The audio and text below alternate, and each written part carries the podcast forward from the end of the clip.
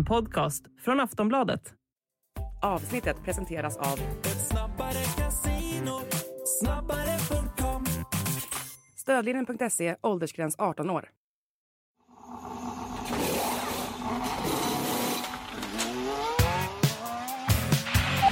That was some fucking Viking comeback. Debris uh, behind. There's something strange with the engine.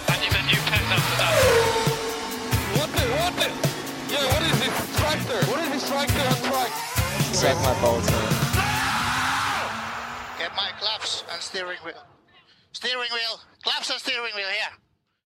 Sawadika, Anna Andersson från mig här eh, som är på en annan tidszon. Du har gått upp i ottan kanske för vissa människor, till exempel mig som skulle tycka att det var extremt tid, tidigt att spela in 8.30 på morgonen, 08.30 på morgonen för att jag befinner mig i en annan tidszon och är, eh, ja, det är mitt på dagen för mig här i 32 grader Thailand.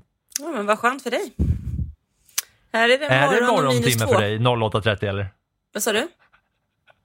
Är det morgon för dig 08.30? Du kanske har varit uppe, du är en sån, du kanske är sån som eh, typ min farsa som om man går upp 8.30 så säger han god förmiddag för att demonstrera att han själv har varit uppe astidigt.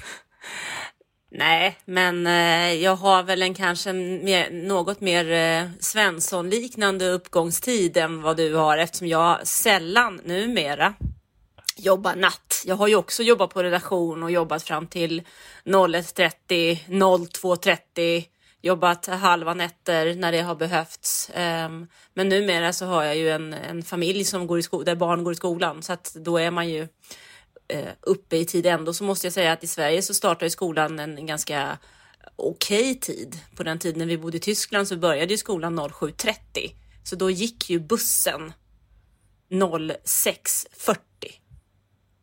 Ah, ja, då, men du, då är du van. Du, liksom, och särskilt efter den här helgen när du har varit tvingats upp på Australien-tid när racet har körts. För mig har det varit perfekt. Klockan 12, det har varit perfekt till lunch, lunchbärsen. Okej. Kvalet såg jag i, kvalet fick jag se med, ja, jag fick ju hitta någon, någon random bar här på Koh Samui där jag eh, befinner mig. Jag hittade någon random bar där de körde thai karaoke-musik i bakgrunden samtidigt i alla fall, men jag kunde se bilden. Och eh, racet så hittade jag en eh, fransos som hade massa eh, F1-polare som var helt tokiga i F1. Så där fick vi det okej ett tag i alla fall när vi kom till racet. Vi berätta hur det där eh, gick till för mig. För det, var lite, det var lite kämpande, men du fick, eh, du fick gå upp tidigt. Ja, det är ju så att jag har ju lajvat då, då och då har vi kört igång eh, 06.45. Eh, det vilket betyder Ja. att jag får ju vara vaken lite tidigare för att ha eh, någon form av eh, huvud på rätt plats kan jag säga. Har det varit någon folk då som har varit uppe och morgon, Ja, men det eh, har morgontjötat med dig? Det har ju det. Det har ju varit helt fantastiskt. Och jag förväntade mig att under kvalet kanske intresset skulle vara sådär. Men det som jag tycker är absolut roligast, nu, nu är det ju så att jag har ju lajvat F1 förut under den tiden som Marcus körde så körde vi F1 live och sen så lät vi bli ett par år. Men nu känner jag ju igen människorna och namnen. Vildkocken eh, och Link, de dök ju upp igen. Det är ju fantastiskt De är- härligt liksom. Det har gått, det har gått fem år sedan Marcus körde och, och sen vi lajva och, och det är samma killar. Jag tror att det är killar, jag vet inte. Den är, Vildkocken är i alla fall en, en eh, härlig eh, Räikkönen-fan, det har jag noterat. Man är glad för de eh, som hänger i Aftonbladet-chattarna som är så trogna. Det är samma sak när man chattar, alltså jag har ju gjort mycket andra live, då är det må- också många personer som man känner igen från SHL-liven eller Allsvenska-liven eller om det är JV mitt i natten. De är där trogna. Tack till er ska ni ha ju för att ni är, är med och förgyller den då. Ja. Särskilt när det är när som du måste gå upp mitt i natten. Ja, Ja, men- för mig mitt i natten. Ja men det är fantastiskt roligt att när man sitter där så känner man ändå, för man känner sig ändå ganska ensam. För man vet ju att det var ju inte, det var ju ingen på redaktionen när jag började utan de satte ju, slog igång den där hemifrån. Som, och jag höll på att säga, hela Skåne kändes ju som att det sov. Och så sitter man där och ska börja jobba och sen så har man det trygga rösten från Janne Blomqvist som mina barn fortfarande tycker är barndom när de har vaknat tidigt på morgonen och jag har jobbat. Och så tänker man, är det bara Janne och jag som är vakna här? Men så får man de här reaktionerna, då blir man ju faktiskt jätte, jätteglad. Ja, ja nej, du hade fick gå upp eh, tidigt. Jag sitter och blickar ut över ett, eh, ja, en klarblå himmel och min pool här utanför. Jag gillar ju alltid den här perioden. Det är ju nu, tycker jag, på året det är som mest helvetiskt i Sverige. När vintern övergår till slask och kommer tillbaka och bjuder oss på en dag vår för att sen slå det i med dubbla knytnävar i facet igen med en jävla slasksmocka igen. Så jag hade ju under, under mitt liv när jag jobbade som låtskrivare innan jag började på, eh, bytte bana så körde jag alltid att jag snabbspolade våren eller slaskperioden av våren. Jag brukar alltid åka till LA och så körde jag tre månader där. Brukar åka i februari och sen komma tillbaka och köra borta februari, eh, mars, april typ. Så nu är det för första gången på länge eftersom att jag har pluggat och nu har jag kommit in i lite annan rytm. Men nu är jag där jag ska vara igen, när jag snabbspolar den här, den här eh, slaskperioden. Ja, nej, den är vi faktiskt, eh, vi hade lite snö här i Skåne förra veckan, men nu tycker jag ändå att det har varit en fin helg och ingen snö på väldigt länge. Så att, men du, eh, nu är jag lite sugen på att prata F1. Ja, ja det, det ska vi göra. För för mig, du hade ju din trygga Janne Blomqvist stämma när du eh, kollar och följer F1-racet. För mig blev det liksom en ny upplevelse för att jag fick jaga ett ställe där jag skulle kunna se både kvalet och eh, även eh, racet. Då. Det började ju med att jag fick se kvalet. Jag hade bilden, kanon, och en, en, liksom en singa framför mig och det var stabilt. Eh, men det var thai-karaoke-musik så att jag fick ju liksom gissa på vad som hade hänt. Jag har ju såklart gjort eh, läxan och kollat upp alla stora snackisar och sådär efteråt. Men under racet så funkade det kanon till en början. Fram tills omstart nummer ett då ljudet blev 45 sekunder före. Så från de här första omstarten så hade vi då ljudet och så fick man vänta i 45 sekunder på att på att man skulle få se det som hände. Så när, det var den här liksom storkaosen, då hör man det och vi bara ser bilderna. Vi, vi, vi var en eh, typ 10 pers där som kollade. En framförallt fransos som ställde sig upp i 30, 32 graders värme som visade upp att han hade full gåshud under starten när för han hade Mercedes kepa på sig med nummer 44. Så han ställde sig upp och visade sin gåshud när, både när eh, Russell och Hamilton tog sig förbi förstappen och vrålade. Liksom. Så det var, jag var på en plats med bra stämning, eh, men det blev så jäkla konstigt sen för de fick inte ordning på det där ljudet. eh, så det slutade med att jag sa, äh, kolla om ni har någon annan sändning på franska eller på thai eller något så kunde vi ta sista liksom, fyra varven där när det var röd flagg om och om och om, och om, och om igen. Så, det, så det, det blev en spe, speciell dramaturgi för mig. Mm, verkligen. Det förstår jag. Um, men du, vi, vi, kan väl ta det från början. Vi, tar, uh, vi, vi, kör en kortis på kvalet och sen får vi gå igenom det här kaoset. För det, var ju, det är mycket att prata om idag. Ja, jag håller verkligen med att kvalet behövs gå igenom trots att vi är några dagar efteråt och så kommer vi göra framöver. Där vi bränner igenom lite snabb eh, genomgång av kvalet och snabb genomgång av racet och sen plockar vi upp några, eller några punkter. Det känns som att det finns en miljard punkter från det här racet att prata om, men vi kommer ju landa i röd flagg, röd flagg, röd flagg, röd flagg, det historiska rödflaggsracet i Melbourne som man kommer prata om många år framöver, gissar jag. Men ta mig igenom vad som hände. Ja, det som jag tar med mig från kvalet, det är ju att eh, Sergio Perez som har haft problem med sin bil under hela träningshelgen egentligen, alla tre träningarna. Han eh, kör bort sig i kvalet, ut i gruset, i leran nästan, redan i Q1. Vilket gör att Max Verstappen förlorar sin parhäst, för han ska starta från sista led. Och redan det öppnade ju upp för att vi skulle få en helt annan typ av Q3. Eh, så att det jag tar med mig är ju Per miss, vilket öppnar upp för att vi faktiskt får Mercedes i första startled och i andra startled i Q3 samtidigt som Ferrari inte alls får ordning på farten på ett varv. Jag tror att eh, Fredrik Vassör kommer att slita de sista hårstråna från sitt huvud den här kommande månaden för att så som Ferrari hanterar ett kval idag är ju långt ifrån vad vi såg Ferrari för ett år sedan när de imponerade i varenda kval. Och det, Ja, och vi kommer ju snacka mer Ferrari för att det finns en hel del att säga om det där eh, haveriet till team 2023.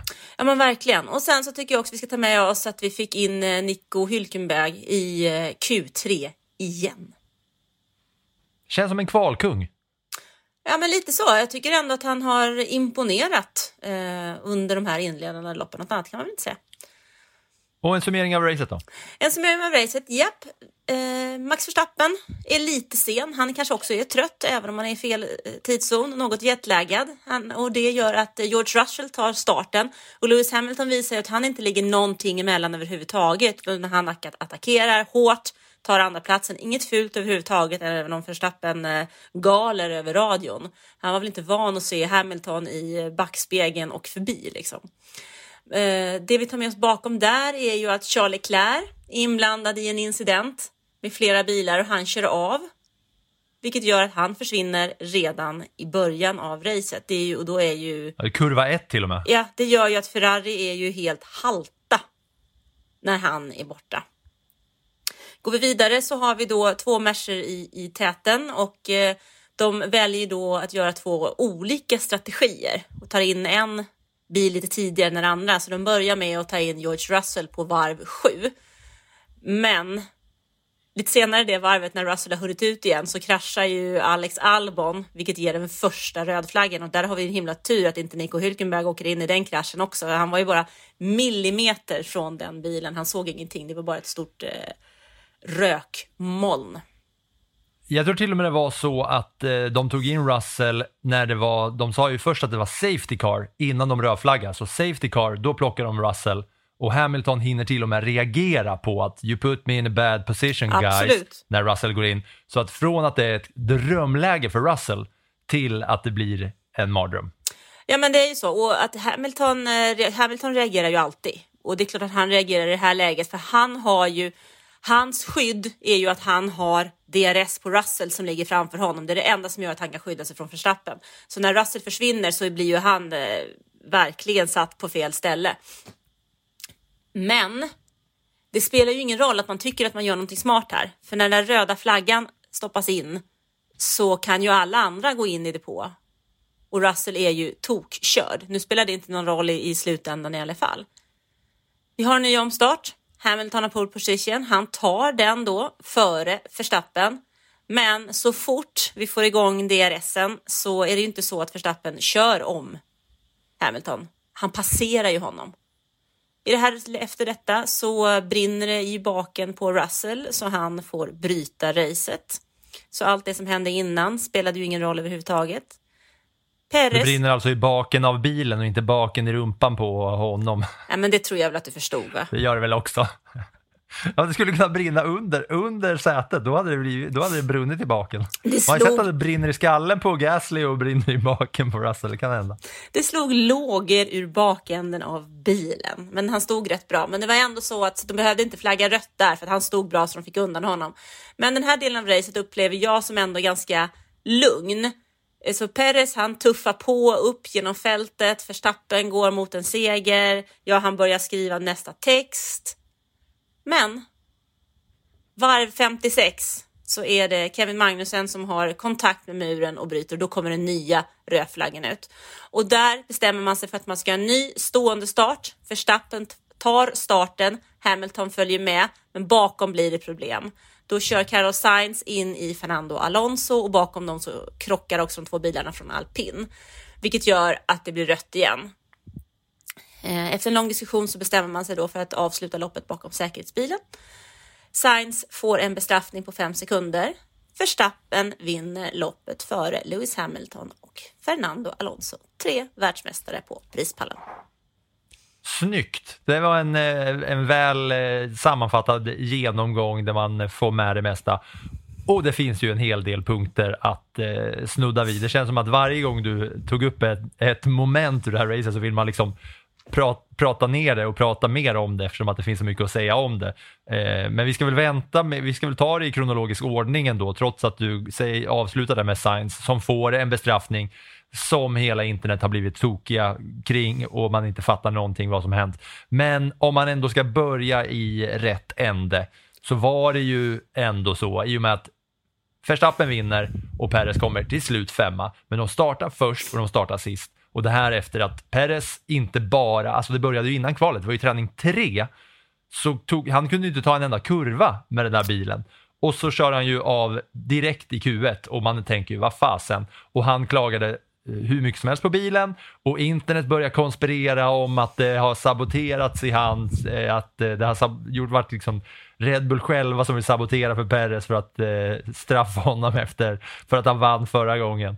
Det var ju mycket, men då tänker man vad fan, inte, inte är det väl så att teamet saboterar för sin egna gubbe, Det såklart. Det är klart men de konspirationsteorierna fanns. Ja, men det är väl klart att det finns. Det finns väl alltid konspirationsteori, men i det här fallet så är det ju så att eh, en bil och bil och människa måste båda vara på rätt ställe, på rätt plats och på rätt i rätt position och rätt ställe för att den här helgen ska funka. Och här är det ju uppenbarligen så att det är någonting som han inte har klarat av att hantera, för i slutändan så är det ju han som kör bilen.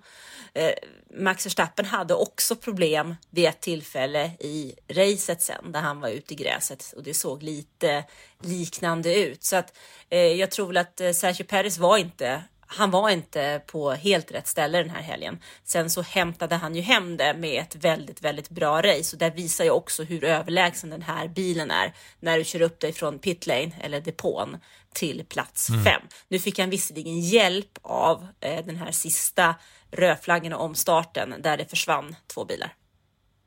Och en tredje i Carlos Sainz som fick bestraffning, men det ska vi ju komma in på när vi tar oss dit på, mot slutet, så det försvann ju det ena och det andra framför, eh, framför Paris. Men han, hör, Paris? Paris? Amerikansk Paris. Eh, från pitlane till P5 och snabbaste varv på Perez Verstappen, som du säger, längst fram där. Och det var ju ändå så att de fick ordning på Perez bil och han eh, konstaterar konstaterade ju efter racet att det inte var den bästa helgen, men han var ändå glad för att det blev som det blev. Och det här eh, är kommunikationen med hans engineer på radion. let's turn the page, understand the problems we had, and come back strong. Good job, everyone, and well done on Max. King of Baku. Bingo. där de avslutar med King of Baku. Yeah, eh, där, de, där de då pratar om att ja, det, var, det var ju skit det här, men ja, det blev väl bra till slut ändå. Och sen eh, blickar de framåt och Engineer säger bara King of Baku, bring it on. Mm. Jo, men vad, vad ska man säga? Det handlar om att begränsa skadorna och i det här fallet så begränsar han ju skadorna. Han hade kunnat bli långt utanför poängen. Nu tar han sig ändå upp på plats fem, vilket ju gör att det är ju ändå helt okej. Tittar man då på eh, hans konkurrenter eller de som konkurrerade med honom om topplaceringarna i VM i fjol. Så den här röda bilen, den tog ju inte en enda poäng så att eh, nej, helt okej. Och nu när vi ändå säger det, jag är ju ändå i Red Bulls, alltså original Red Bulls hemland. Så bara därför ska jag ta en sån här liten original thai, thai Red Bull för att hänga med. Det är ju absolut inte sponsrat, det kommer aldrig nog bli heller, men det är ju ändå för att vi är här i Alex Jag satt ju och höll på Alex Albon annars. Eh, nu när jag ändå är i Thailand och jag var helt liksom redo för med den där Williams-bilen som under kvalet hade lila sektor, sektor 2 hela tiden, om och om igen. Och Alex Albon som såg kanonfin ut. Jag var helt säker på att det skulle bli ett, liksom, de framför honom skulle kunna sticka iväg, men sen skulle det bli ett DRS-tåg där ingen kunde ta sig förbi eh, den där Williams-bilen som var extremt snabb framåt. Det var bara min thai-vinkel på det här, för jag satt ju ändå och höll på Alex Albon, som sen eh, var, låg bakom liksom, ja, en av grundanledningarna till det här kaosloppet som sen blev. För det var ju ett historiskt lopp och historiskt i den form att det aldrig någonsin varit tre rödflagg under samma race. För det är det som händer sen. Jag har lagt in en liten bild på alla rödflagg under 2000-talet. Och där har det varit totalt under säsongen var det som mest sju rödflagg röd flagg under 2021. Där det var totalt under hela säsongen. Men här i Australien var det alltså tre stycken röd flagg. Och massor av eftersnacket har ju handlat om just röd flagg. Det är förvirring och förbannelse och besvikelse och förvåning. Tre stycken. Först när Alex Albon kör av och det kommer grus på banan på varv, eh, vad har vi nu, varv åtta. Sen röd flagg två när Magnusen som du säger kör ut i väggen. Klantigt av honom för att eh, han gjorde det på egen, liksom, det var ju på egen, eh, ja vad, vad man nu säger. Och sen röd flagg tre när det var alpinkraschen där i den sista omstarten. Men om man bara börjar med röd flagg ett. Det var ju, jag kommer inte ihåg vem det var som sa det, men någon sa ju i alla fall att eh, ja, varför ska man, eh, varför ska man, eh, har man rödflaggat förut för så här lite gravel på banan, eller det här gruset som det blev då. Men den kändes ändå rimlig när Alex Albon eh, svängde i sin höga fart in i muren och sen rullade ut på banan Ja, igen. men där behövde man dessutom göra en, eh, en eh, rapporter, eller liksom fixa till muren efteråt där han hade haft islagspunkten och det är ju viktigt. Alltså bar- säkerhetsbarriärerna måste ju vara intakta och de måste repareras. Så den tycker jag kändes helt rimlig att man gör den där. För att eh, vi kan ju inte riskera att ha en olycka på samma ställe vid ett senare tillfälle och säkerhetsbarriären fungerar inte. Det kan ju få förödande konsekvenser. Så att den tycker jag inte, det är inget konstigt överhuvudtaget att man eh, bestämmer sig för att få bilarna av banan, få bort den bilen. Och det är ju så att har vi ett, har vi ett fordon på banan som ska plocka bort en bil så måste det ju vara röd flagg. Alltså den här traktorn som eh, Pierre Gasly skrek om i Japan i höstas som man inte ens såg. Det var ju en katastrof och det är ju inte så många år sedan Jules Bianchi faktiskt eh, avled av de skador som han ådrog sig när han fick vattenplaning och körde rakt in i en hjullastare, också på Suzuka. Så den har jag, den eh, tycker jag är helt Nej, men det, okej. alltså, det, det har ju inte varit, det har inte varit någon eh, vansinne och förvirring över röd nummer ett. Däremot de två sista när det är så kort kvar av racet eh, Men det som tror är jag- precis där på slutet. Men det var ju, när Albon åker av så är det ju superrimligt. Man ser ju först, Stroll kommer ju och är extremt nära, men om det sen var Hulkenberg som var där bakom, det var han som gjorde den snyggaste manövern som var närmast på att köra in. Du, för eh, Albon backar ju ut samtidigt som eh, gruset flyger. Ja, men han eh, talar ju om att han höll ju på att skita på sig, Hülkenberg. Mm. Så nära var det. det var han, Apropå att brinna i baken. ja, han, han sa jag såg ingenting liksom. Det var... Nej, Och det var ju extremt jäkla snyggt alltså. så att, eh, han sa ju det att jag som han skrek... räddade upp det där. Ja, han sa det, jag skrek ju bara på radion för att jag var... Det var oerhört eh, nära. Där, så den kan man också förstå. Mm. Men sen, men, sen, men sen har vi de här andra rödflaggen då som är precis på slutet när det ska bli racing med bara två varv kvar och sen då när det blir det stora kaoset i den andra omstarten. För att det som blir är att det blir en omstart där alla bilar står stilla. En gång med två varv kvar när de skulle, när de skulle starta där bakom. Och då går ju alla all in. Totalt. Ja, men vi får ju också ta tillbaks, vi får ju gå tillbaks. Det här känns som att det ligger en förklaring i 2021. I den VM-final när Nicolas Latifi kraschade i slutet och man valde att inte rödflagga utan man körde säkerhetsbil och sen så gick Verstappen i depå, fick nya däck. Hamilton som ledde, han, satt, han kunde ju inte göra någonting. Och sen för att hinna få en avslutning på racet så lät man de bilarna som låg mellan Hamilton och Verstappen ovarva sig. Men inte de som låg mellan Verstappen och nästa förare på griden. Det var de tre för man ville ha race emot flaggan. Och man vill ju helst inte gå i mål bakom säkerhetsbil. Utan, och det vill inte teamen heller, utan man vill ha action in i mål. Man vill ha en bra start och det har, har funkat med kortare sprinter vid tidigare tillfällen. Jag vet i alla fall i Baku, eller Baku för ett par år sedan, nu var jag där igen, eh, så har det faktiskt eh, varit så, även om det var längre kvar av loppet då när Lewis Hamilton bromsar bort sig fullständigt i den där omstarten.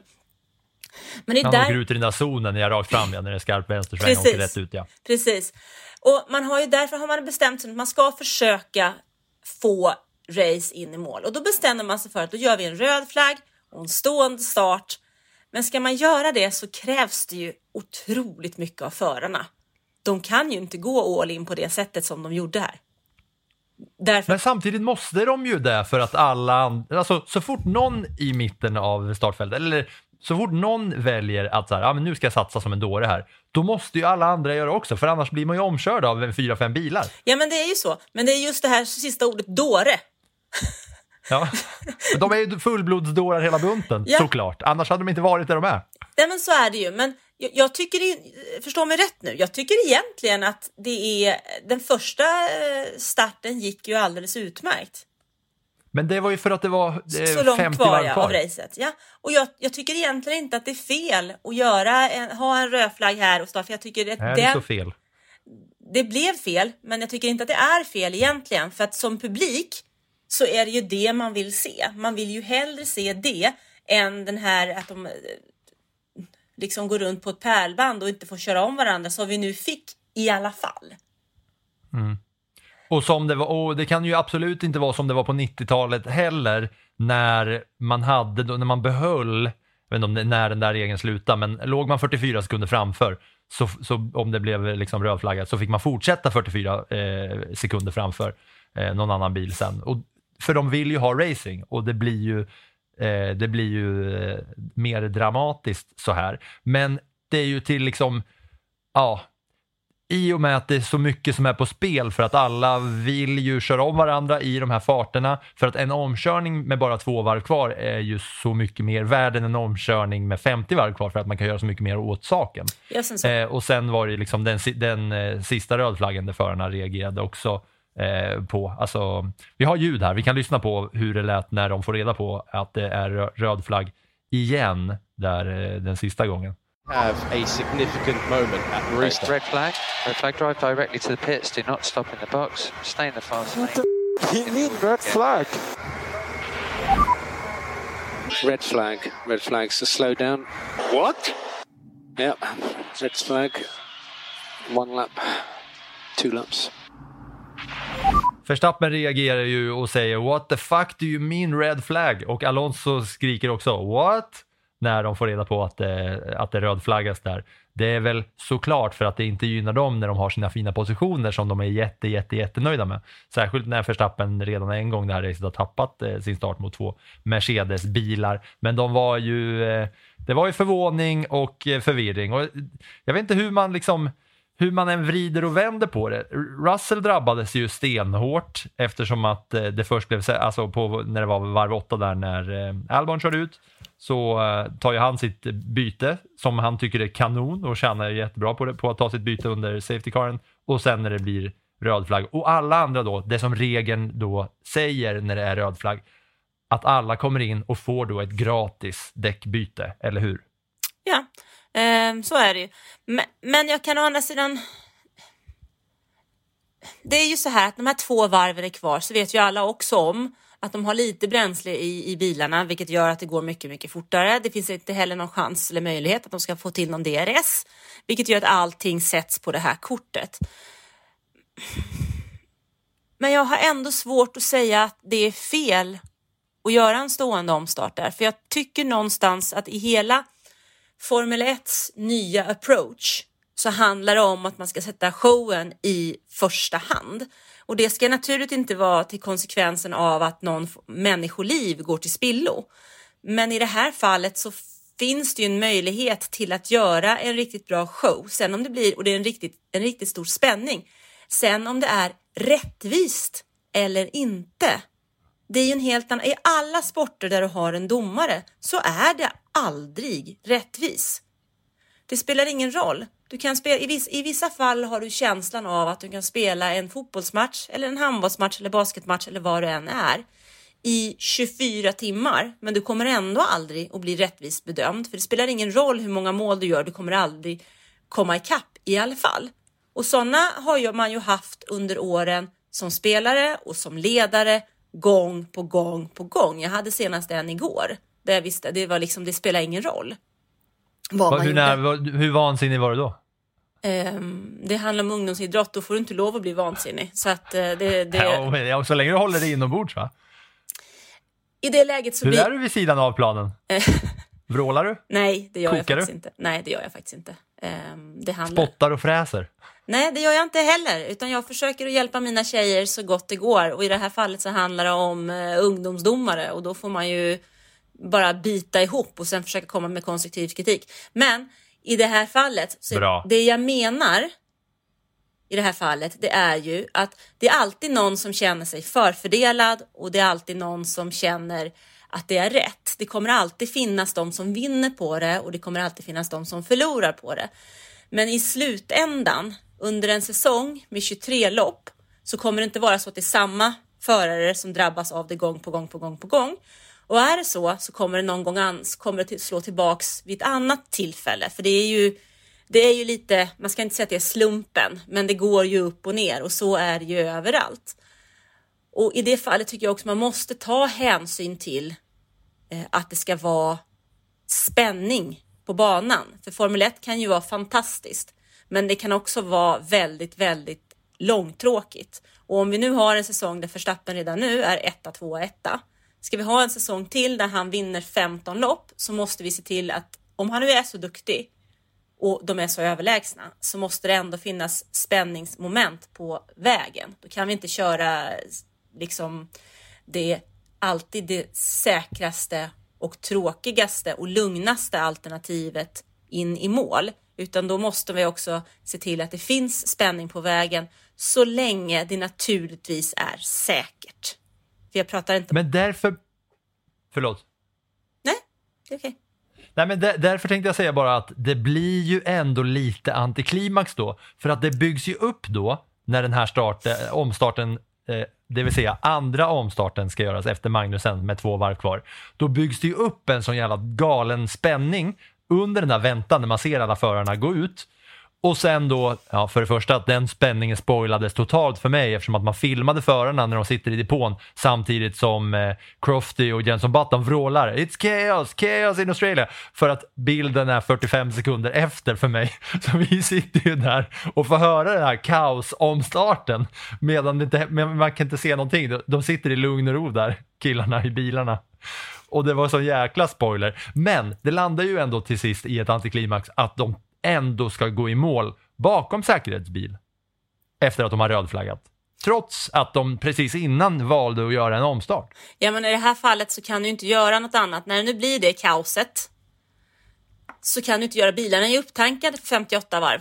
Ska du ha en, en omstart och en stående start så måste du ha ett formationsvarv först och sen en stående Ja, det är start. otroligt vad, vad snurrigt det blir alltså. Ja, men det är, och det är då måste man ju tvista på reglerna ba- baserat på vilket, hur det händer hela tiden. det är ju det som är det knasiga. Jag hade samma diskussion med, med eh, Martin som satt och var breaking-chef igår. Och han bara, men hur ska vi... Ja, han fattar ingenting, eller hur? Han fattar ju ingenting av ett vanligt race. Så att du skulle förklara för honom hur det här fungerar, det förstår jag. Då slet han av sig kepan och gnuggade sig i flinten utan att fatta vad fan som hände, Martin. Nej, men vad vad ska jag puffa på nu då? Vår fina, fina breakingchef Martin Björkman ska Ja, sägas. han är Men han, han, han hänger inte med i regelboken i Formel 1. Nej, men det och han gör- gör det klart och tydligt när han inte fattar. Det är ju så att det är ju ingen som hänger med i den här regelboken. Alltså det var ju det, den regeltolkningen som vi såg igår har vi ju inte sett förut. Så hur, hur ska vi kräva att han som har koll på all idrott har koll på det? Jag satt ju också och väntade på när han frågade mig så att jag kan inte bekräfta eller dementera. Jag måste vänta på att jag får ett besked av tävlingsledningen och det är först när jag får ett besked som jag kan säga att så här gör vi, så du får hålla din puff. Vi kan puffa så här, men vi kan inte tala om att han har vunnit. För det vet vi inte, för vi vet inte vilken omstart. Och det där är ju också naturligtvis ett problem. Så att det finns ju för och nackdelar med allting, men någonstans så, så tycker jag ändå att den spänningen som byggdes upp var rätt charmig för Formel 1.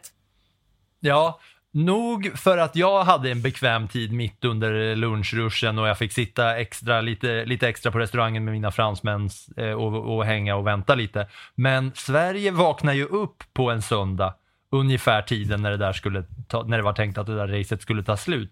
Folk i Sverige som vaknar upp lite halvt bakfulla runt eh, ja, men 10.30, 11 när det där måste eh, dragit. Nej, men när slutar det i Sverige då? Man vaknar väl upp bakfull vid 10 typ. Det måste väl varit ungefär då det skulle eh, ta slut. Det är två timmar. Eh, Nej, då var tog det, det var slut innan. Ehm, Ja, men då kanske ändå Sverige vaknade upp till att man faktiskt skulle ha ett F1-resultat från Australiens GP och man inte riktigt visste hur det var där. Så därför förstår jag att puffandet av eh, då fina breakingchef Martin Björkman som inte fattade ett jota av vad som skulle hända på slutet, hur han skulle skriva sina rubriker och skicka ut det till, till befolkningen, vad som, hur det slutade i, i Australien. Det blev en stor förvirring där. Men alltså, ja, det finns väl inte så mycket annat man kan göra än eh, att det är så här, liksom, man tänker alla de här tre rödflaggen och de, de har diskuterats eh, eh, överallt av F1-folk.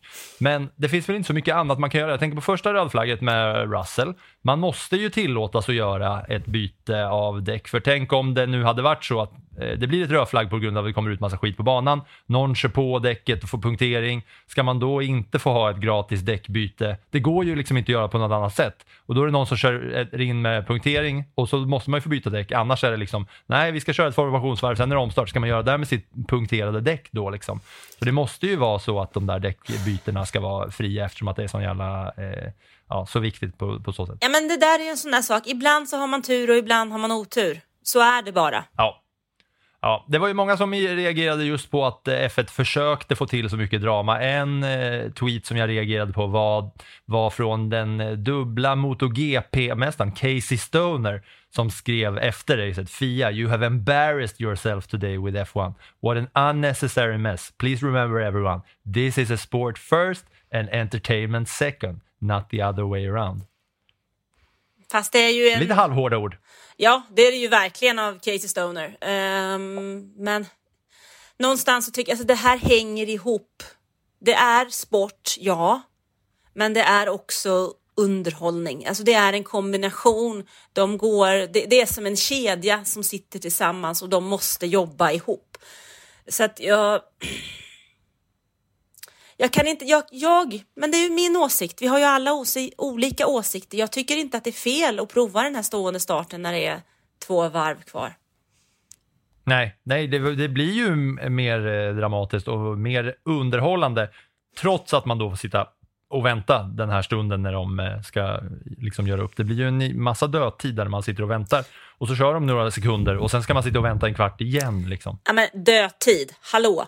Alltså min eh, F Sportbladet eh, live var ju fullt. Jag tror jag hade liksom 25 kommentarer. Jag hann ju inte svara på alla och så hade jag svarat på en så hade jag 25 nya. Så istället så, så ska Fortsätt jag... så allihopa som lyssnar på podden. In och bombardera Anna med eh, frågor under eh, resandet. Det är bra. Ja, Ser men hon det sitter ju- här och skakar på huvudet och att det är fullt, fullt upp och liksom torkar sig i pannan av, av svett. Men det är bra. Det är bra. Ja, men det var ju ett, o- det var ju ett oerhört, det ger ju ett oerhört engagemang och det engagemanget hade vi aldrig fått om vi hade gått i mål bakom en säkerhetsbil direkt utan de här pauserna var ju rätt bra däremellan. Ja, nu skiter vi i de här rödflaggen och kollar lite mer på vad som hände under racet och då det faktiskt kördes bil. Det gör du rätt i. Hey, I'm Ryan Reynolds. Recently, I asked Mint Mobile's legal team if big wireless companies are allowed to raise prices due to inflation. They said yes. And then when I asked if raising prices technically violates those onerous two year contracts, they said, What the f are you talking about, you insane Hollywood ass? F- So to recap, we're cutting the price of Mint Unlimited from $30 a month to just $15 a month. Give it a try at mintmobile.com slash switch. $45 upfront for three months plus taxes and fees. Promo rate for new customers for limited time. Unlimited more than 40 gigabytes per month. Slows. Full terms at mintmobile.com. Ja, men då kanske ändå, om vi har gått i mål på det här racet, ändå ska ta då det som blev den största konsekvensen. Och det var ju att man då valde, nu den här omstarten var, alpin, alpinbilarna kraschade, eh, när Sainz körde på Alonso. Och Sainz får en bestraffning, men bilarna får ställa upp på samma sätt som de ställde upp innan för att Verstappen inte har kört förbi någon slags mikrosektorpunkt.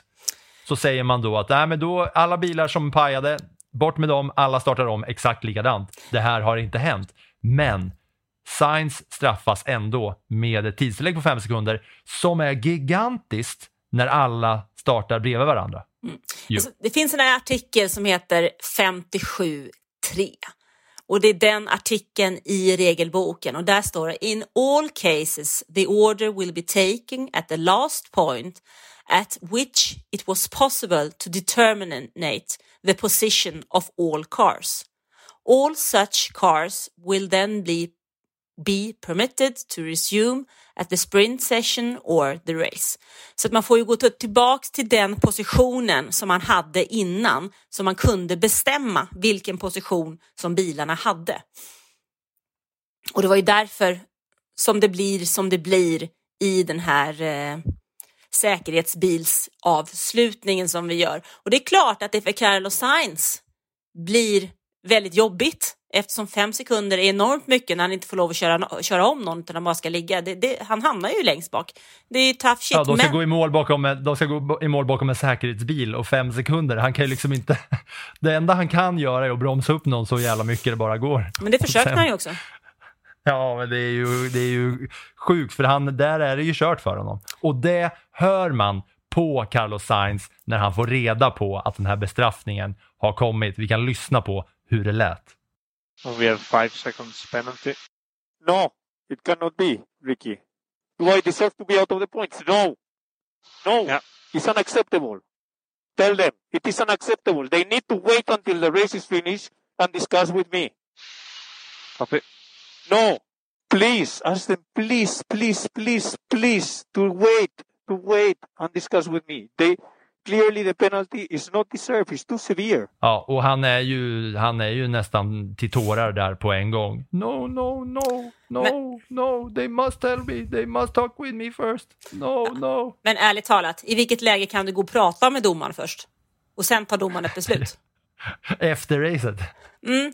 Jo, men det, ska, Ja. det, det skulle jag ha gjort i söndags då också. Väntar efter matchen, Ja, pratar nej, med men domaren han- och sen han- bestämmer hon något annat. Det funkar ju inte.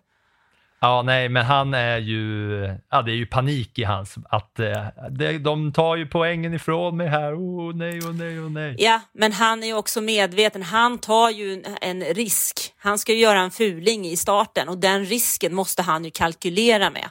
Och det är lite det jag menar när du sa att ja, men de kör ju som, som dårar. Ja, men man måste ju också ha med, man måste ju också kalkylera med den risken. Att kör jag på det sättet och orsakar någonting så finns det en risk att jag får en bestraffning. Det, så smarta är ju de här grabbarna också. Så att, eh, mm, jag tycker inte att han Men ska bestraffningen gnälla. är rätt då, för att, eh, för att de, det raderas ju ut så att säga, det som hände. Det är ju i och med att de får starta om på samma position igen. Det pratades ju om att de skulle starta om innan man visste då vad regeln sa och den här mikropunkten som Max Verstappen då, mikrosektorpunkten som man inte hade passerat. Och det såg ju ut ett tag som innan man visste. Jag hade ju då den här sändningen, då hade vi faktiskt gett upp att ligga 45 sekunder bakom och då sa jag, äh, skitsamma. Min franska kanske eh, klarar av att förstå lite. Byt om ni, har, ni hade, de hade en fransk kanal som var liksom ljud och bild i synk. Då sa jag, äh, kör franska kanalen då då. Och då, eh, då var det ju lite oklart om det skulle bli så att de skulle starta som de stod när rödflaggen vevades eller om de skulle starta om som de startade när andra omstarten var. Och då såg det länge ut som att det kunde bli en pallplats för Nico Hulkenberg. Ja, det hade ju varit en sensation för honom och Haas protesterade ju också efter loppet. Men den gick... eh, Man gör ju- vad man kan. Man gör vad man kan, precis. Det är som Science, man gör vad man kan. Det man kan argumentera är ju om, om straffet för Science är för hårt. Men vad jag vet så är tidsbestraffningarna 5, 10, 5 sekunder och 10 sekunder. Då kan man ju plötsligt inte lägga in en tidsbestraffning på 2 sekunder för att situationen ser annorlunda ut den här gången. Utan man får ju hålla sig Nej. efter de reglerna som finns. Och det man kan göra då är ju att man hantera reglerna och förändra till nästa gång. Alltså det var likadant nu. Efter, efter att man i två lopp har eh, haft förare som stått fel på startgriden så gjorde man bredare startgrider den här gången. Alltså det är ju ett, en regelbok är ju också ett levande dokument och det får man väl ta med sig då. Alla är vi människor och alla gör misstag. Det är mänskligt. Mm. Eh, han faller alltså ut från, eh, är han femma eh, Science? Eller? I, eh, när, innan han får den här bestraffningen på fem sekunder. Han ramlar i alla fall ut ifrån poängen och blir till slut tolva på grund av att han eh, körde av eh, Alonso av banan där. Eh, rätt tycker du va? Jag tycker att man ska ha en bestraffning för eh, det sättet som han kör där, för jag tycker inte att det är helt okej. Sen kan man diskutera om det är för hårt eller inte. Men om man nu inte har någon annan bestraffning än fem sekunder så kan man ju inte göra en bestraffning på två och en halv sekund för att det passar Carlos Sainz bättre. Så funkar det ju inte Mm. riktigt. Det var roligt när man kollar om på den här omstarten ett par gånger och lite från lite olika förarhjälmar. Har du sett Logan Sargents omstart? Samma, samma omstart där Sainz eh, får sin bestraffning. För Logan Sargent ligger ju längst bak och när man ser från hans bil, då, då åker han bara rätt in. Han åker bara rakt fram, bilen framför bromsar, han fortsätter gasa, kör den bilen av banan och får ju ingen bestraffning. Den är så klar och tydlig. Det är så lite snack om att det där är en sån jäkla ful eh, påkörning. Jag garvade när jag såg den med tanke på att han inte fick någon bestraffning. Men det, är ju, det är ju, handlar ju inte om några poäng där bak. Men om ni är sugna på att se något roligt så kolla på Logan Sargent omstart nummer två i Australiens GP. Då kör han rakt bakom och kör bara full fart rakt fram och, och kör in nosen under bakdäcken på bilen framför. Det ser kul ut i alla fall. Eh, men mer under den här omstarten då, det är ju kring det här det kretsar. Visst, vi ska prata lite om Lewis Hamilton versus Alonso som på den gamla goda tiden sen, men under samma då eh, omstart så smäller alpinbilarna ihop med varandra där den ena kanske orsakade någonting mot den andra, men då de är teamkollegor och det är ett teams båda bilar så blir det ingen bestraffning där. Nej, det blir, de, får just, de straffas ju så det räcker i alla fall för att det här är ju en enorm kostnad för alpin.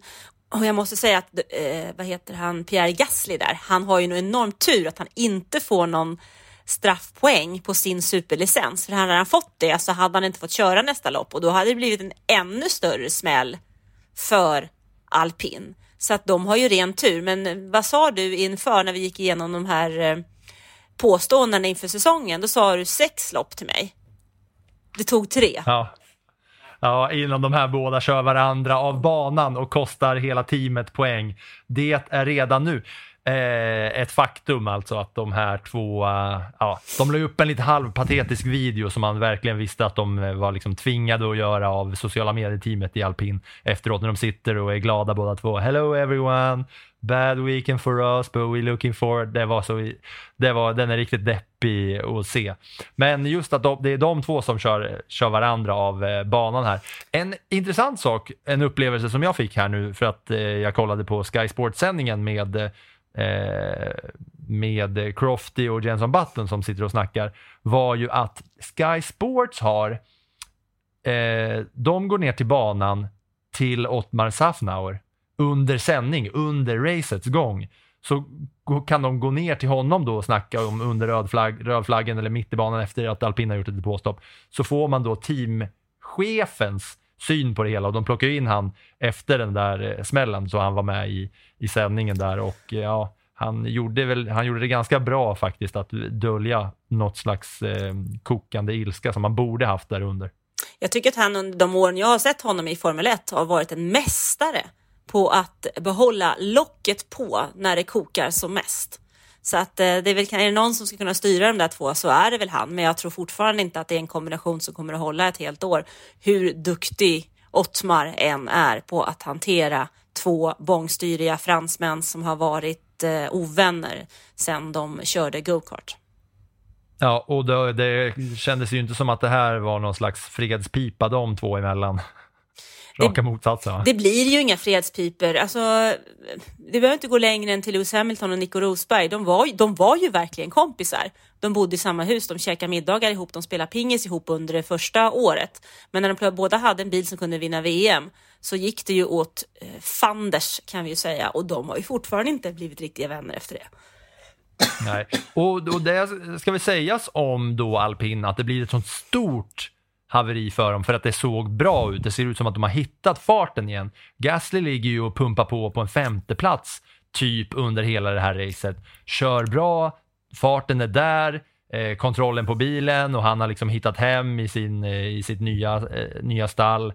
Det såg ju bra ut fram tills det där. Mm, men det vi ska komma ihåg när vi pratar om Albert Park och Australiens Grand Prix så är det nästan alltid en bana där det finns överraskningar. Det är inte en bana som där man kan säga att ja, men en bil som funkar där funkar på resten av eh, banorna i kalendern, som i Barcelona till exempel. Ser man, går en bil bra i Barcelona så vet man att det är en bil som kommer gå bra under resten av säsongen, för den banan har tagit med sig så mycket av andra banor i sig. Det finns i den. Så är det inte i Albert Park. Där har vi sett överraskningar förut. Vi har ju sett eh, Kevin Magnusson tog ju en pallplats i en McLaren 2014 till exempel. Eh, han har inte tagit några fler pallplatser sedan dess. Så att eh, det är ju den typen av Alltså bilar som inte funkar någon annanstans kan mycket väl funka i Australien. Vi såg Mercedes. Alpin var också med där uppe. Ferrarin däremot funkade inte alls. Så vi, det jag menar är att vi ska inte dra allt för stora växlar av den här, Nej det här racet. ur alpinögon och även då om vi lämnar alpin och tar oss till de, eh, det teamet som faktiskt kom på en eh, andra plats till slut, Mercedes och Lewis Hamilton med bilar som tog sig förbi Max Verstappen med bra kvalfart, med bra fart under racet trots att man ändå visste att det bara var en tidsfråga till att Max Verstappen skulle köra om dem. Men de eh, tonerna i moll hos Mercedes kändes som, eh, ja, de kändes som bortblåsta. Ja, men det är ju, du, du hörde ju bara Hamiltons fight. Alltså det här att eh, vi har, ni jobbar fantastiskt i, i fabriken, jobbar fantastiskt på banan. Nu tar vi nästa steg, vi jobbar tillsammans. Alltså det är det mantrat som han körde under hela förra året. Så att, och nu fick han väl ännu lite mera eh, eld på den brasan. Ja, för att det är en Mercedes som, som såg bra ut. Båda Mercedes-bilarna såg ju kanon ut. Russell som eh, återigen kör finfint, kvalar ut Hamilton. Eh, och vi får se en fight mellan Mercedes och Aston Martin där Lewis Hamilton hade det eh, svettigt i alla fall med Alonso jagandes i baken efter att Ja, det var ju lite halvkinkigt eh, mellan Russell och Hamilton i början innan då första rödflagget och när då sen eh, Russells bil eh, brann upp. Inte brann upp, men eh, ja, ni är med.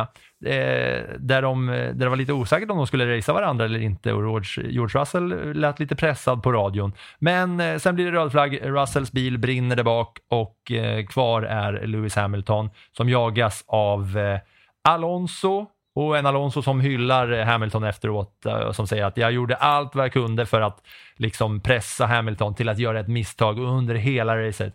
Jag gjorde vad jag kunde men han eh, körde fantastiskt Hamilton. Som den mästaren han är så gör han inga misstag. Nej, men från en mästare till en annan. Det är väl klart att de hyllar varandra.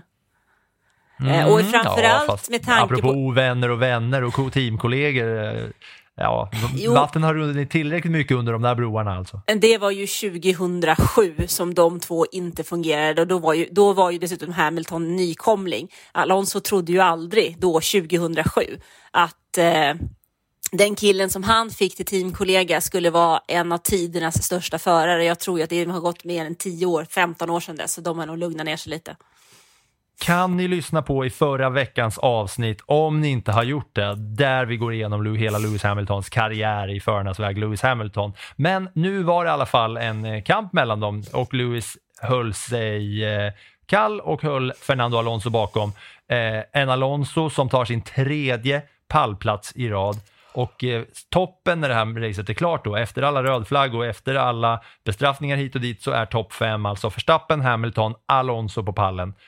Bakom Alonso är Lance Stroll och sen eh, Sergio Perez som tog sig upp hela vägen eh, till femte plats till slut. Men Mercedes, Aston Martin, Aston Martin och nu har Alonso varit trea, tre race i rad. Mm, och Aston Martin har tagit fler poäng på tre race än vad man gjorde under hela förra året. Så att de har ju haft en otroligt bra start på den här säsongen. Det blir spännande att se vad det här teamet som faktiskt har enorma resurser kan klara av att göra under resten av det här året. Om man klarar av att hänga med i det utvecklingsracet som faktiskt kommer. Mm. Men Mercedesen då, ska vi liksom, du pratar om Albert Park och banan att den bjuder på överraskningar hela tiden. Ska vi glömma det här som Toto har sagt om att det här konceptet eh, det suger totalt och vi måste göra om allt? Eller ska vi ta något in av att Mercedes faktiskt eh, har lite fart efter den här eh, helgen? Jag tror att vi, jag får ha ett sånt tråkigt svar som att vi får vänta och se för att jag har inte den datan som vad de har. Och eh, det jag kan säga är ju just att Albert Park är inte någon, någon normal bana utan eh, det är något helt annat. Så att nu har de ju flera veckor på sig och jag tror att han, deras tankar på någon form av nytt koncept eh, har redan utvecklats till någonting i deras fabrik. För de har sagt att de ska ha det till Imola, kanske till Miami och det är i början av maj så att de är redan igång och jobbar. Så får de väl utvärdera det Mm. sen. Eh, Aston Martin, du är inne på det, de har tagit fler poäng under tre race under hela 2022. Samma gäller för Stroll då som eh, kör in på en fjärde plats efter allt det här kaoset. Han har tagit fler poäng på tre race än vad han gjorde under hela förra säsongen.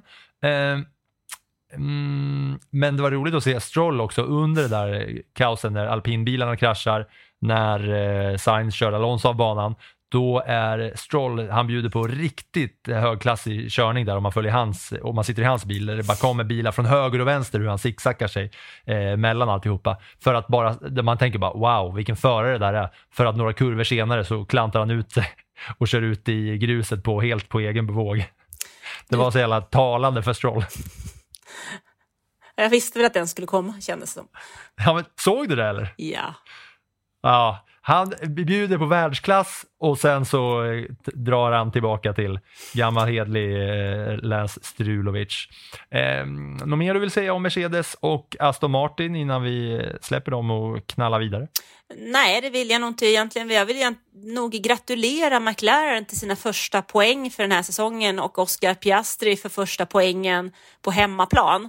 Plus att vi fick poäng hos eh, Alfa Tauri också, vilket gör att alla teamen nu har tagit VM-poäng. Och så fick vi in Hulken på poängplats också. Mm. Hela topp 10 är Verstappen, Hamilton, Alonso, Stroll, Perez, Norris, Hulkenberg, Oscar Piastri. Grattis till dina första poäng i Formel 1.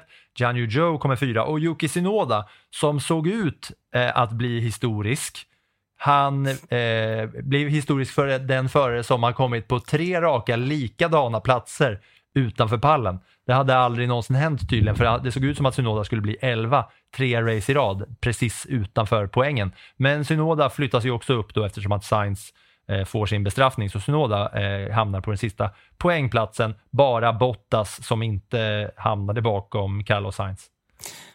Men det är hela liksom, ställningen. Men Joe blir nia va? Du sa fyra?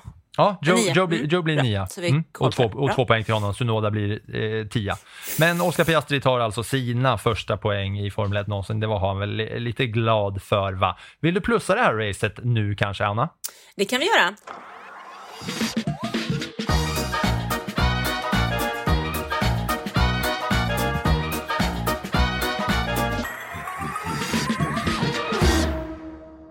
Eh, då börjar vi med motorstoppet och det går ju till Charles Leclerc. Vilken fruktansvärd eh, mardrömsstart han har haft på säsongen 2023. Sen tar vi ett plus, underkänt, till alpin och den internkrocken. Där kan Ottmar och förarna säga vad de vill. Det där får inte hända. Det kostar alldeles för mycket pengar. För i slutändan under ett budgettak så kan en internkrasch vara så pass dyr att man tvingas avstå från en uppdatering och det är inte okej. Okay. Två plus, Godkänt. Eh, McLaren. Sexa Norris, åtta Piastri. Första poängen till det teamet. Grattis till det. Tre plus till Aston Martin. Ännu en pallplats till eh, Fernando Alonso. Sen fick ju Stroll den där fjärdeplatsen till skänks, men det är ju viktiga poäng för det teamet det också. Fyra plus går till eh, Lewis Hamilton. Jag tycker det var otroligt kul att se fighten mellan Hamilton och Alonso och även mellan Hamilton och Verstappen igen och se att Hamilton inte la någonting vid sidan i första kurvan och ändå körde rent och snyggt. Det var ingen beröring där i, början av racet. Och eh, veckans fem Trots plus... att Max Verstappen grinade full fart på radion och eh, “He pushed me off the track”. Då garvar många åt han. Det kan jag tänka mig. Um, fem plus då, de går faktiskt till Max Verstappen. Alltså 1, 2, 1. Det är ju en himla snygg resultatrad efter tre lopp måste jag säga. Och det känns som att när den här säsongen är slut så kommer det typ upprepa sig 1, 2, 1, 1, 1, 1, 2, 1, 1, 2, 1, 1, 2, 1, 1, 1, 1, 1, 2. Någon slags så kan det vara, men, kodningssiffra. Ja, men alltså nu har han 37 segrar. Han har 80 pallplatser, vilket är lika många som eh, Aiton Senna. Så att eh, han är ju på god väg till någonting väldigt stort. Och jag tänkte på det, Hamilton nu också, redan i, i säsongens tredje lopp så har han säkrat att han har tagit pallplatser i F1 under 17 år i rad. Det är rätt imponerande. Ja, det, skoj, det skojar man inte bort och det kommer ju, det har vi väl varit inne på förut, att ett sånt där eh, långt rekord kommer ju bli svårslaget. 17 år i rad alltså, en pallplats. Det är ju eh, ett tag sedan. Ja, eh, plussen blir som sådana. Eh, motorstoppet som sagt eh, där till Charles Leclerc, han har vi inte sagt så himla mycket om. Men eh, ja, vilken mardrömsstart är på eh, den här säsongen för honom och där ska jag nämna lite mer i småstats som kommer nu.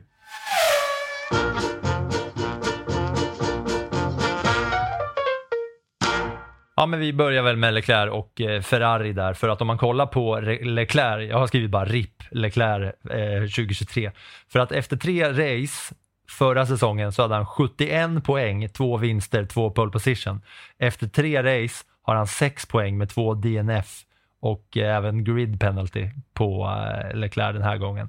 Det är ju alltså, ja, det är bara att blicka framåt mot nästa års bil och bita ihop och komma igen.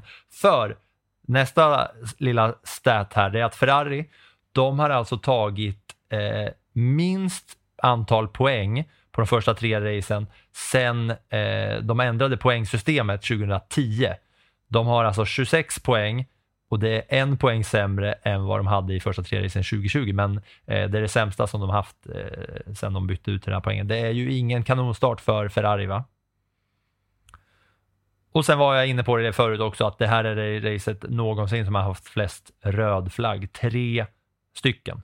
Och en annan rolig stat då, apropå att man har kört F1 i många år. Alonso tar här eh, sitt 101 podium och han blir den första föraren som på sitt 101 podium inte vinner. Så de förare som genom historien har hamnat på podiet 101 gånger så har alla de andra vunnit sitt 101 race där man landar på podiet. Vad sägs om det?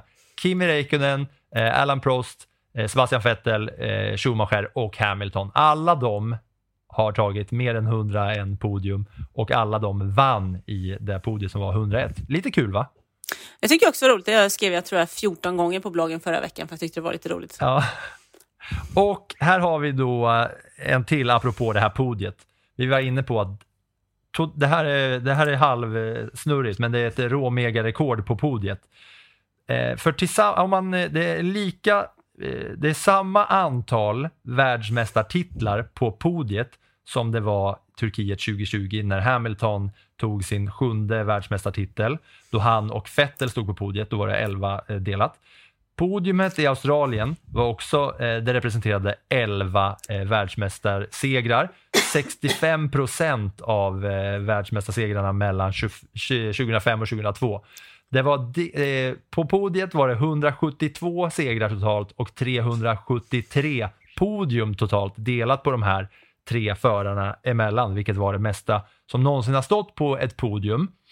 Och om man skulle inkludera Sir Jackie Stewart som delade ut eh, troféerna där, då, skulle det, då, skulle, det- då var det 14 världsmästartitlar på podiet samtidigt delat mellan Verstappen, Alonso, Hamilton och Sir Jackie Stewart som delade ut eh, troféerna. Den du! Den ja, den var rejäl. Nu är jag, i, i och med att jag är på en annan del av jorden och försöker leva lite semester-life, nu vill jag höra hur det har gått för svenskarna i racingvärlden. Så ge mig en liten svensk koll, tack. Det gör jag absolut. Det har väl gått sisådär kan vi väl säga den här helgen. I Formel 3 var Dino Beganovic eh, femma i lopp ett, trettonde i det andra. Mm, det var väl inte riktigt vad han hade hoppats på, men han ligger fortfarande kvar på plats tre i mästerskapet. Vilket är skitbra ju. Absolut. Och nästa race kör i, körs i Italien, Imola, 19-21 maj och fram till dess så ska de, använd, ska de testa både på Imola och i Barcelona. Eh, sen har vi Indycar också, där eh, Felix Rosenqvist tog pole position på den här ultrasnabba ovalen i Texas. Men precis som i fjol när han tog pole position så tvingades han bryta loppet. Då var det med tekniska problem. Nu eh, var det så att han eh, passerade en bil på utsidan i kurva 3-4 där lite- och kom lite för högt uppifrån eh, racelinjen, får ett litet kast, lyckas rätta till det, får ett nytt kast och kommer ut i gummiresterna och sen är det kört. Då är han ju bara passagerare. Så att där Kul försvann... att, du ändå, kul att du ändå räknar kurvorna på en oval. Ja, men det är fyra kurvor på en Kurva oval. tre, jag vet, det här är kurva 3 och 4. Ja. I den ena av kurvorna. Det är rätt. Ja, eh, jag, jag, jag, nåddes av det där också att han tog en eh, pole där, för det gjorde han väl förra året också, Rosenqvist, på samma, eh, på Precis, samma bana. och då bröt han med tekniska problem och nu så eh, var det en krasch på det 177 varvet av 250 som satte stopp för honom. Och eh, Marcus Eriksson, han gjorde ett sämre kval, fick inte med sig farten som behövs på en sån här snabb oval. Och han eh, körde ändå upp sig och han var åtta i det här racet då, som vanns av Joseph Newgarden. Och de eh, i killarna i Indycar, de har race om två veckor då på Long Beach, ett stadslopp i Kalifornien. Ja, och nu är det då alltså eh, när man hör det här, om man hör det på onsdagen när avsnittet kommer, eller om man hör det två dagar senare, 6 april på min födelsedag, så eh, är det ju ett långt uppehåll framför oss nu, Anna, och det är långt kvar tills det ska racas nästa gång. Ja, det är ju inget race förrän i Azerbajdzjan den sista helgen i april. Men vi har ju preppat, eller hur? Vi har ju två riktigt roliga gäster med oss som ska snacka F1 från två helt olika synvinklar.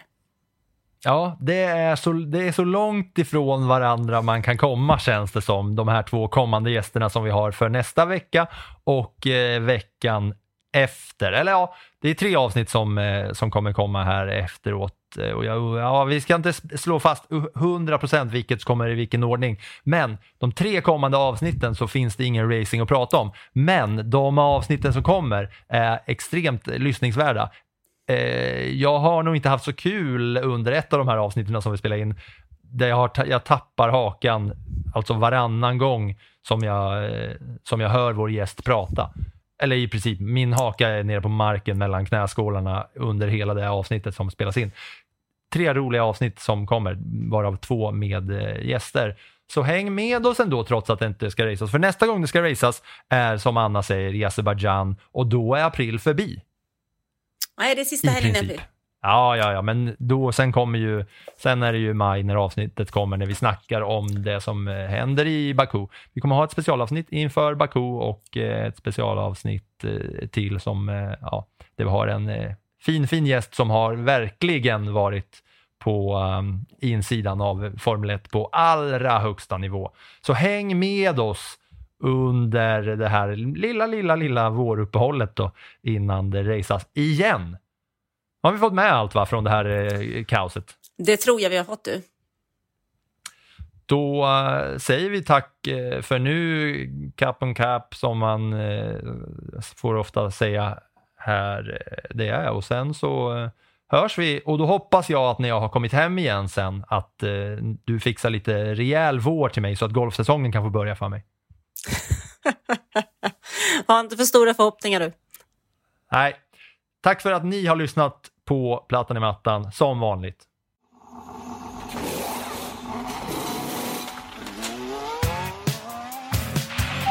That was some fucking Viking comeback. Debris uh, behind. There's something strange with the engine. I need a new pet after that. What the, what the?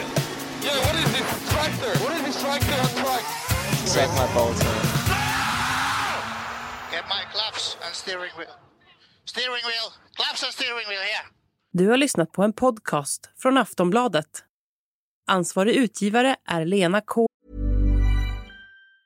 Hey, I'm Ryan Reynolds. Recently, I asked Mint Mobile's legal team if big wireless companies are allowed to raise prices due to inflation. They said yes. And then when I asked if raising prices technically violates those onerous two year contracts, they said, What the f are you talking about, you insane Hollywood ass? F- So to recap, we're cutting the price of Mint Unlimited from $30 a month to just $15 a month. Give it a try at mintmobile.com slash switch. $45 upfront for three months plus taxes and fees. Promo rate for new customers for limited time. Unlimited more than 40 gigabytes per month. Slows. Full terms at mintmobile.com. Samuelsson.